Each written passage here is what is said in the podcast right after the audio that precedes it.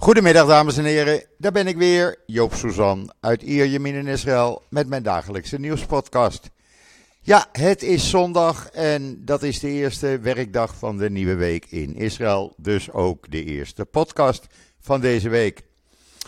Eerst maar even het weer, want ik heb weer veel te vertellen. Ja, het is een beetje afwisselend, zonnig, regen, veel regen. En we krijgen heel veel regen in de avond en komende nacht, zegt men. Maar goed, dat wachten we af. Het is een graad of 20, dus koud is het niet. Uh, we moeten daar even doorheen. Het is normaal voor de tijd van het jaar, zullen we maar zeggen. Het duurt een paar dagen en dan knapt het weer op. En dan het nieuws. Laat ik eerst even met uh, wat algemeen nieuws beginnen. Ehm Israel Aerospace Industrie zal de eerste astronomische observatiesatelliet van Israël gaan ontwikkelen. Uh, dat wordt iets uh, heel baanbrekends. En die moet dan over een paar jaar de lucht in. En dan, uh, ja, dan kan er meer onderzoek gedaan worden in de ruimte door het, onder andere het Weizmann Instituut. Het hele verhaal daarover kan je lezen natuurlijk in Israël Nieuws. Waar je ook uh, kan lezen dat uh, de afgelopen uh, nacht de IDF een smokkel van drugs te waarde van ongeveer 1 miljoen shekel, pak een beet 400.000 euro, heeft voorkomen. Ik heb daar een leuke video, mooie video van online staan in Israël Nieuws. 25 eh, kilo drugs hebben ze in beslag genomen. Uh, dus die komt niet de markt op. Er wordt wat drugs hier afgesmokkeld. Dat wil je niet weten. Uit Egypte, uit Jordanië, uit Libanon. Het gaat maar door. Ja, en wat ook doorgaat, waren de demonstraties gisteravond. En uh, enkele honderdduizenden mensen, de cijfers variëren tussen de 300.000 en 400.000 uh, demonstranten in het hele land. Ze worden natuurlijk niet uh, stuk voor stuk geteld. Maar het was weer behoorlijk druk hier bij mij ook in Ierjemien. Uh, minstens 25.000 zoals verleden week. En ik schat zelfs wat meer. Want uh, ja, het was gewoon drukker. Zo voelde het. Wat ook opvallend was, was dat er veel meer politie was. Uh, geuniformeerde politie, zwaar bewapend en die liepen door het publiek heen. Uh, we hadden als sprekers onder andere Tzipi Livni, de vroegere minister van Buitenlandse Zaken. Uh, de vrouw van Yair Lapid was er. wat ze nu hadden gedaan, grote videoschermen met onder andere bijvoorbeeld Benny Begin, die een toespraak hield. het was goed georganiseerd, laat ik dat voorop stellen. En ik zag gisteravond ook voor het eerst mensen met Likud-vlaggen lopen. Ook aan het demonstreren. En ik zag veel meer mensen met keppeltjes op, dus uh, religieuze joden. Uh, ja, het was door het hele land. Het hoogtepunt was natuurlijk in Tel Aviv, waar zo'n 200.000 mensen bij elkaar kwamen. Maar ook in Beersheba, in Rishon LeZion, in Haifa, eh, Kvarsaba, Herzliya. Zelfs in de Bedouinenstad Hoera, daar liepen uh, enige tientallen Joodse en Bedouinen demonstranten gezamenlijk te demonstreren. En dat was voor het eerst daar. En allemaal tegen de gerechtelijke hervorming. Niet dat men die gerechtelijke hervorming niet zou willen. Ik leg het nog maar eens heel simpel uit. Men wil het best. Alleen, men wil het niet op de manier zoals de regering Netanyahu het wil. Hoe wil die het dan? Nou, ik zal een paar voorbeelden geven. Die willen bijvoorbeeld dat uh, wetten uh, worden aangenomen met 61 uh, eh, van de 120 stemmen. ook als het Hoge Rechtshof geen kracht meer heeft. Want die wordt aan de kant gezet. Nou, dat wil men niet. Men wil, als dat uh, gebeurt, dan wetten aangenomen hebben met 70 of 80 Knesset stemmen. Zodat ook de oppositie een woordje mee kan spreken. Het benoemen van rechters niet alleen door de coalitie, maar ook door de oppositie. En in een gelijk aantal. En ook door uh, advocaten. En niet zoals de regering wil, de meerderheid van de rechters benoemen door de regering. Uh, dat zijn een paar van die voorbeelden die men veranderd wil zien en die Netanyahu gewoon niet wil veranderen. Uh, gisteravond was er in uh, Tel Aviv, een van de sprekers was Jacob Frenkel. Een ooit door Netanyahu benoemde gouverneur van de Bank van Israël. Hij was ook voormalig voorzitter van JP Morgan Chase International. Uh, Netanyahu vroeg hem jaren geleden persoonlijk van wil jij de bank van Israël gaan leiden? En die sprak uh, de menigte toe. Uh, en die zei onder andere Netanyahu, we werkten samen om de inflatie te, terug te dringen. En de positie van Israël in de wereld te vergroten. Ik geloof dat ook jij beseft dat je alles ondermijnt waar we voor hebben gewerkt. Ik vraag je, vernietig het niet. Stop de waanzin en heroverweeg. Ga zitten praten. Eh, probeer eh, oplossingen te vinden. Jas het er niet doorheen. Uh, Lapid sprak in Asdod en zei: Dit is de grootste crisis in de geschiedenis van het bestaan van Israël. Dan Galous, dan Galouts, de voormalig door Netanyahu benoemde stafchef van de IDF. Uh, die zei dat Netanyahu als enige verantwoordelijk is voor de huidige crisis. En dat hij de verantwoordelijkheid draagt voor schade aan de economie en veiligheid. En de samenleving aan het reunier, re, reunieren is. Uh, ja, en zo werd er overal gesproken.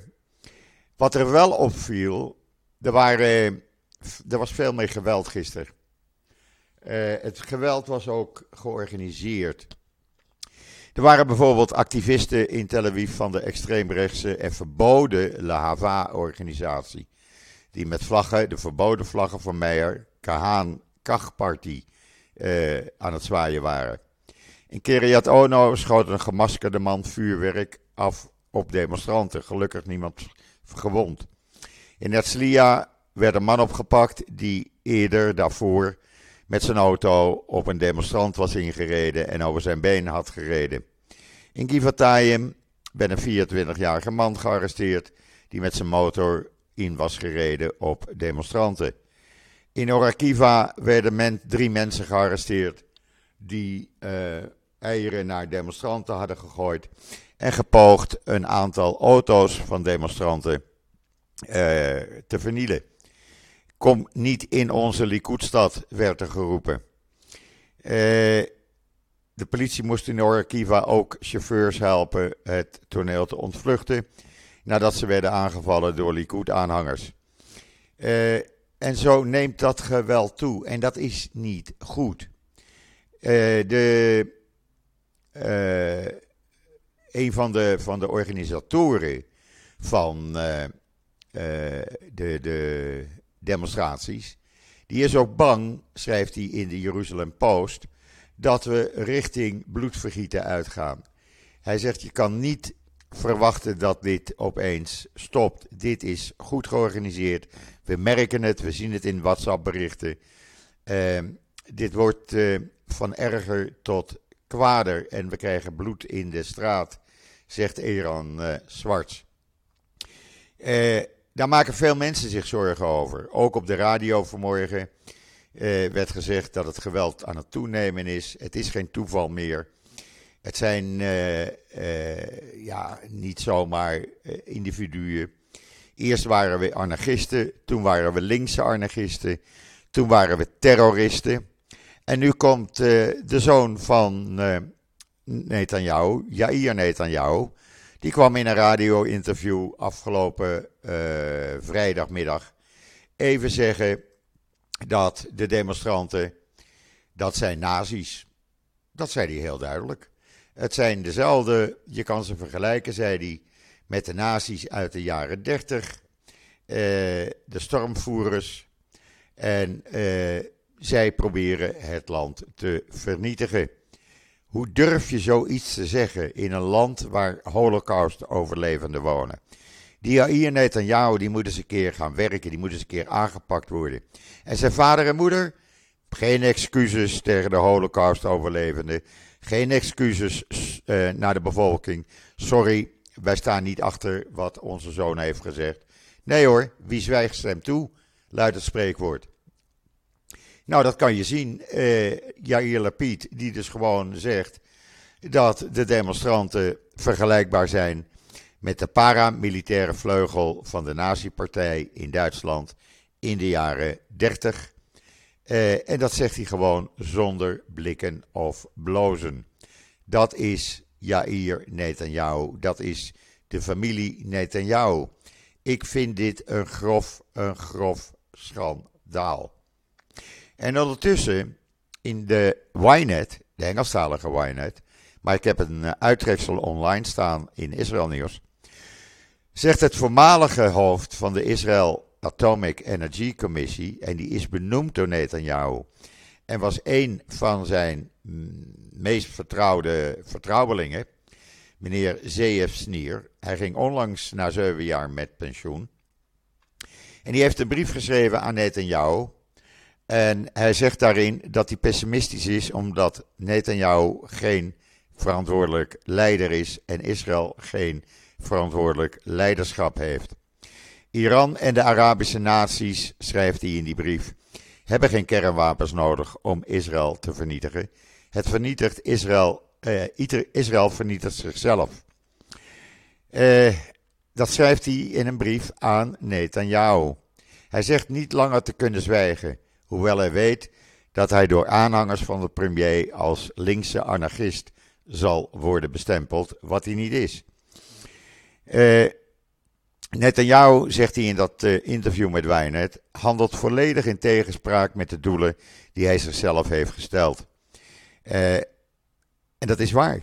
Hij zegt, we hebben de afgelopen maanden gezien hoe de, de, voorgestelde wetsvoorstellen Israël zullen gaan veranderen.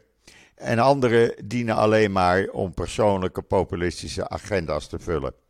Waaronder buitensporige financiering voor de huizen en het gezin van de premier, waarvan de zoon uh, mij en anderen die demonstreren en tegen deze uh, extreme gerechtelijke hervormingen zijn, als nazi's uitmaakt. Dit is, waar we te mee, maat, dit is waar we mee te maken hebben. En Iran? Iran gaat gewoon door ondertussen met het ontwikkelen van zijn nucleaire capaciteit. En krijgt nu ook vliegtuigen geleverd van Rusland. In Netanyahu ziet de uh, schade vandaag die hij aan het land heeft toegebracht. En doet niets, terwijl hij beweert op te roepen tot dialoog. Ik verwacht en ik had verwacht dat Netanyahu als leider het land zou leiden. Ja, dat wordt je dan zomaar gezegd door een van je meest vertrouwde vertrouwelingen. Uh, en dit kan gewoon niet zo doorgaan, mensen. Dit moet gewoon stoppen. En je ziet ook dat het geweld toeneemt. Uh, ik zei al eerder, ik zag gisteravond bij ons veel meer politie. Uh, men was op alles voorbereid. Uh, men bewoog door de demonstranten heen. Er was ook veel burgerpolitie. En het was, ja, men probeerde het goed in de hand te houden. Natuurlijk, verleden week hadden wij ook vuurwerk wat in het publiek werd gegooid. Maar die waren opge werden opgepakt. En uh, die zaten een paar dagen in de cel. Ondertussen vandaag zijn er meer dan 250 reservisten van de luchtmacht die niet zijn komen opdagen voor training. Ze hadden ermee gedreigd en nee, ze komen niet. Meer dan 250. Uh, daarnaast zijn er 650 inlichtingenreservisten van de IDF. Die zijn begonnen vandaag met hun boycott. En komen ook niet opdagen voor uh, training en andere dienst. Ze doen het niet zolang de regering doorgaat met het doorheen jassen in sneltreintempo van uh, deze gerechtelijke hervormingen. Er zijn meer dan 180 piloten, 50 verkeersleiders en 40 drone operators, reservisten allemaal. Die zullen zich deze week ook niet melden voor trainingsoefeningen. Wel blijven ze beschikbaar indien er speciale missies moeten worden uitgevoerd. Dit is een uh, hele ernstige en slechte ontwikkeling, kan ik jullie zeggen. De IDF uh, draait niet alleen op de dienstplichtigen.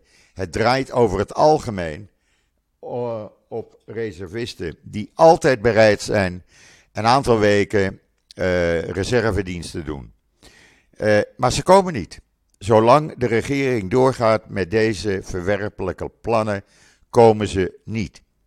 En dat mag Netanyahu en de IDF zich aanrekenen. Uh, Netanyahu, je hoort hem niet. Hij zegt niks. Wel nee, hij zal weer zijn volgende trip naar Londen aan het uh, voorbereiden. Nou, dat zal hij weten, want donderdag is uitgeroepen tot een dag van chaos. Uh, het vliegveld zal onbereikbaar worden. Wegen zullen geblokkeerd worden. Men uh, wil alles doen om uh, het reizen naar Londen, wat helemaal niet urgent is, onnodig te maken. Onmogelijk te maken, moet ik eigenlijk zeggen. Want het zijn winkeltrips. Wat moet je daar? Het land staat in brand en de familie Netanyahu gaat gezellig een lang weekend, van donderdag tot zaterdagavond, naar uh, Londen. Nou, het is hem afgelopen week niet gelukt. Toen is hij uiteindelijk maar 24 uur in Berlijn gebleven. En uh, zijn vrouw Sarah is niet meegegaan. Kon gewoon niet door de demonstraties. Hopelijk lukt het nu weer. Ja, als dit doorgaat, dat is alleen maar, ja, dan wrijven de vijanden in hun handen. Ondertussen hebben tientallen vooraanstaande psychiaters gewaarschuwd voor gevaren voor de geestelijke gezondheid door trauma's die jongelui, vooral jongelui, zullen gaan krijgen. Ze hebben daarover een brief geschreven naar Netanyahu. Stop met je plannen, want dit gaat fout. Uh, ja, hoe vaak moet het nou nog gezegd worden? Hoeveel mensen moeten het zeggen? En ondertussen is de regering, of de Knesset, vandaag begonnen met wetten er doorheen te jassen die uh, de juridische problemen van Netanyahu en meneer Deri moeten gaan oplossen. Jawel, er worden gewoon wetten voor gemaakt. Die komen de komende dagen, vanaf vandaag, worden ze in de Knesset behandeld. Eén wet die bedoeld is om uh, de strafzaken tegen Netanyahu te stoppen. Jawel, er wordt gewoon een wet voor gemaakt. En een andere om uh, leider Deri te helpen weer minister te worden. Want zonder meneer Deri, de belastingfraudeur, kan de regering Netanyahu niet functioneren. Eh, ondanks dat het Hoge Rechtshof gezegd heeft: nee, belastingfraudeur geen minister. Er wordt dus gewoon een wet weer gemaakt. Ondanks het feit dat honderdduizenden Israëli's demonstreren. Ondanks dat allerlei hooggeplaatste figuren zeggen: stop voorlopig. Er zijn nu ook mensen in de Likud-partij die er openlijk voor uitkomen. Julie Edelstein, die zegt stoppen voorlopig even mee. De minister van Cultuur en Sport, Mickey Zohar. Laten we kijken of er een vorm van compromis te vormen is. Uh, David Bitan, ook een vooraanstaand uh, Likud-lid. Stop, zet, maak op de plaats rust. En het is allemaal tegen Dovermans horen gezegd. Ik begrijp niet hoe deze regering nog kan functioneren. Uh, en dan een heel goed redactioneel artikel van uh, de rechtse hoofdredactie van Jeruzalem Post. Want Jeruzalem Post is een rechtse krant, geen linkse krant. En die schrijft: de coalitie moet stoppen met het aanvallen van de procureur-generaal. Dat is een plan wat niet deugt. Zij ondermijnt de rechtsstaat niet. Zij probeert de rechtsstaat te redden. En om haar uit te maken voor linkse verrader, dat is van het allerlaagste niveau. Uh, die vrouw staat onder enorm zware bewaking. Ze wordt uh, bij elke stap die ze zet, wordt ze bewaakt. Uh, het dreigingsbeschermingsniveau is naar het hoogste niveau opge, opgebracht. En waarom? Omdat meneer Ben-Gvir, de extreemrechtse minister van Nationale Veiligheid, Itamar Ben-Gvir, vindt dat ze ontslagen moet worden en hij er alles aan doet haar het leven zuur te maken. Ze is nota bene een onafhankelijke jurist binnen de regering. Zij adviseert de regering. En als wetten niet door kunnen gaan, zegt zij dat. Als ze door kunnen gaan, zegt ze dat ook. En als dat meneer Benkwier niet zint en ze daardoor het veld moet ruimen en hij zijn volgers oproept haar het leven uh, zuur te maken en te gaan demonstreren, ja, dan ben je geen minister, dan moet jij het veld uh, ruimen. Maar dat is het niveau op dit moment van de regering Netanyahu. Lees het in de rechtse Jeruzalem Post. En Joop, heb je dan geen ander nieuws? Jawel, ik heb ander nieuws ook. En ik probeer dat ook. Maar ik kom hier gewoon niet aan, mensen. Want jullie willen weten wat er hier aan de hand is. Eh, dit is er aan de hand. En vandaag is er een uh, uh, top in Sharm el-Sheikh in Egypte. Tussen Israël en de Palestijnen. daar doet Egypte ook aan mee. Daar doet Amerika aan mee. En Jordanië doet er aan mee. En die komen bij elkaar in Sharm el-Sheikh om te praten, om te proberen een manier te vinden dat het rustig blijft in de aanloop en tijdens de Ramadan die volgende week begint. Uh, Israël doet daaraan mee. Uh, Tsachi Hanegbi, die is de afgevaardigde van Israël, die is de leider van het Israëlische team. Deed hij eerder in Aqaba in Jordanië in februari. De Shin Bet-chef is erbij. Uh, allerlei hoge personen. Hoe dat afloopt, het is op dit moment aan de gang. Ik weet het niet. Maar het is een goed teken dat men het probeert. Wat ook een uh, goed teken is, is dat Birthright, die uh, zo'n 800.000 jongelui vanaf 1999 naar Israël heeft gebracht op een tiendaagse vakantie, om het land te leren kennen, die begint een groot vijfjarig project om meer groen te worden. Niet dat ze nou allemaal groene kleding aan gaan doen, nee, maar meer milieubewust, meer voor het milieu. Dat is een heel goed teken. Uh, en die gratis tiendaagse Birthright uh, reizen, die ook dit jaar weer zo'n 25.000 uh, jonge uh, Joden naar Israël zal brengen. Die wordt dus wat meer milieubewuster. Nou, ik vind dat een goede zaak. En dan Tony Blair, die heeft de Palestijnen het advies gegeven. Trek, kijk eens wat meer naar het vredesakkoord zoals we dat toen met Noord-Ierland hebben gesloten.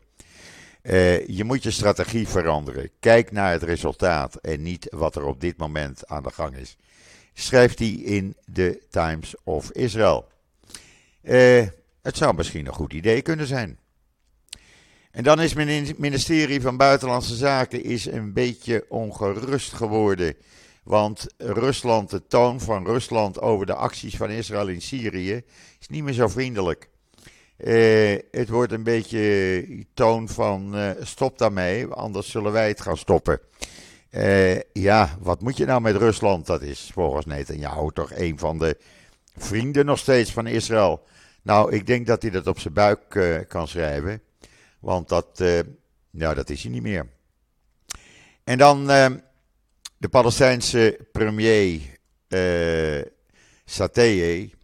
Die raadt het internationaal gerechtshof in Den Haag aan.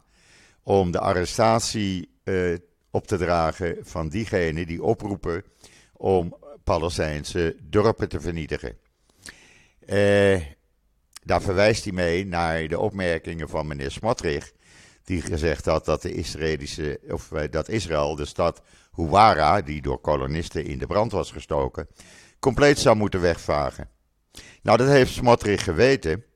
Want uh, in plaats van tien dagen in uh, het buitenland te blijven, hij kwam na drie dagen alweer terug.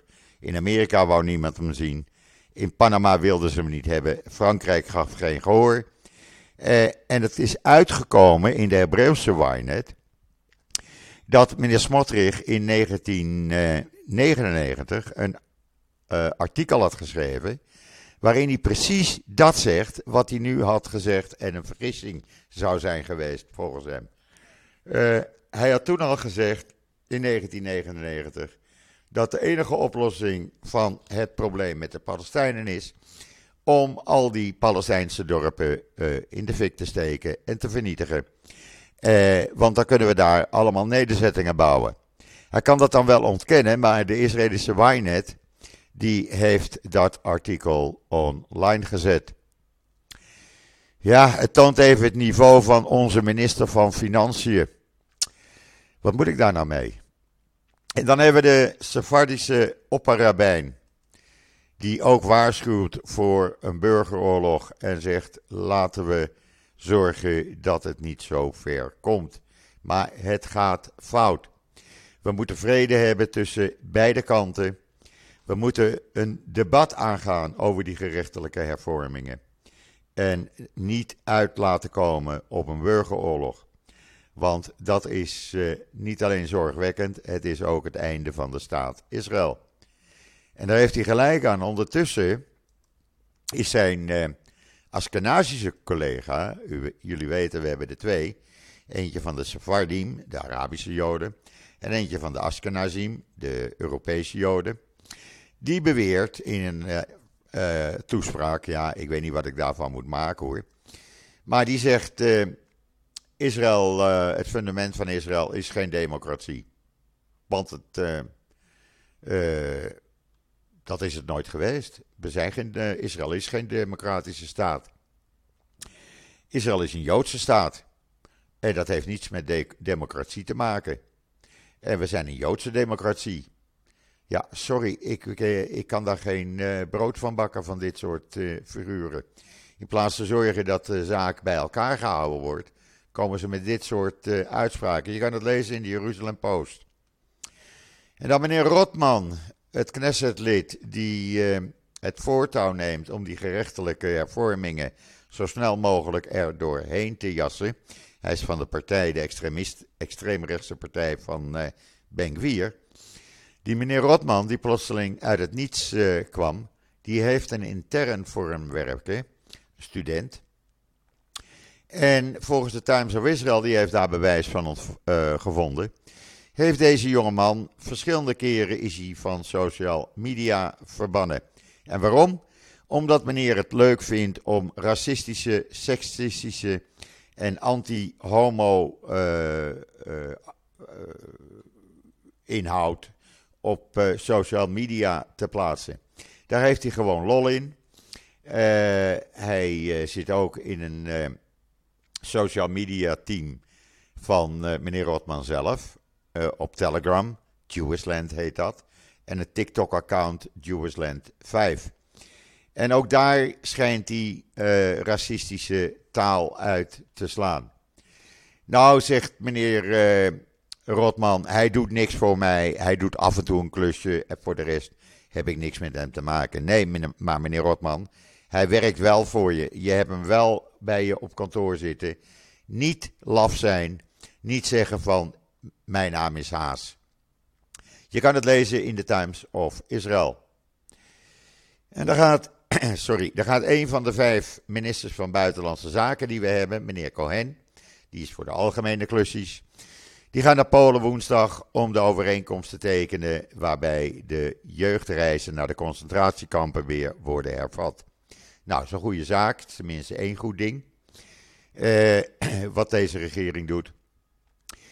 En dan heeft een uh, Israëlisch uh, artistiek zwemteam heeft een gouden medaille gewonnen op het Women's Duet Technical Event. En voor het eerst waren het Israëlische zwemmers die de hoofdprijs in de wacht sleepten. Ook goed nieuws staat in de Engelstalige Ynet. En uh, dan heeft Aruba een nieuwe rabbijn. Dan zou je zeggen, wat moet je daar nou mee, Joop? Nou, dat staat in de Times of Israel. En uh, dat vond ik gewoon leuk. Uh, hij was al met pensioen. Hij komt uit Medellin in Colombia. En hij is nu rabbijn van Aruba. Er is een Joodse gemeente. Uh, Zo'n 50, 60 gezinnen zijn daar lid van. En uh, hij vindt het een fantastisch eiland. Het is een paradijs. Uh, ik kan dat beamen. In de jaren 90 ben ik daar regelmatig geweest. op vakantie. Ik vond het een fantastisch eiland. Het, het is echt een plezier om daar te zijn. Hij, deze rabbijn heeft geen bewakers nodig. Hij kan zich vrij bewegen. En hij heeft uh, het grootste plezier. Je kan het lezen in the Times of Israel. Hoe mooi is dat? Nou, als dat geen goed nieuws is waarmee ik eindig, dan uh, weet ik het ook niet meer. Ja, dan blijf ik jullie op de hoogte houden, ook vanmiddag nog, de rest van de dag. Maar ik krijg het natuurlijk wel druk, want we hebben eerst Ajax Feyenoord. Ja, die moet je ook natuurlijk zien. En daarna om 7 uur onze tijd eh, de Formule 1. Alhoewel Max eh, helemaal achteraan start. Maar goed, met Max weet je het nooit. Die kan zomaar vooraan eindigen. Sorry. Dus Joop is een beetje druk eind van de dag. Twee spannende dingen. Ik heb het maar makkelijk gemaakt. Ik ga niet koken. Lekker vers brood gekocht. Zalm erbij. Nou, dan um, bordje op schoot en televisie kijken. Zo sluiten wij de dag dan maar af. En Mickey, ja hoor, Mickey uh, kijkt mee met Joop, want die zit dan gezellig naast Joop. Nog één uh, vraag. Denk even af en toe aan fooienpot.com met een D. Want uh, ja, Joop moet er ook door, wil er ook door met de podcast en het andere werk. Denk eventjes aan fooienpot.com of druk op de donatieknop op de website. Dan wens ik iedereen een hele plezierige uh, zondagmiddag. Een fijne wedstrijd, een fijne Formule 1 uh, eh, wedstrijd. Voor wie je ook bent, laat de beste winnen en laten we vooral veel gaan genieten. Ik ben er morgen weer en zeg zoals altijd: tot ziens, tot morgen.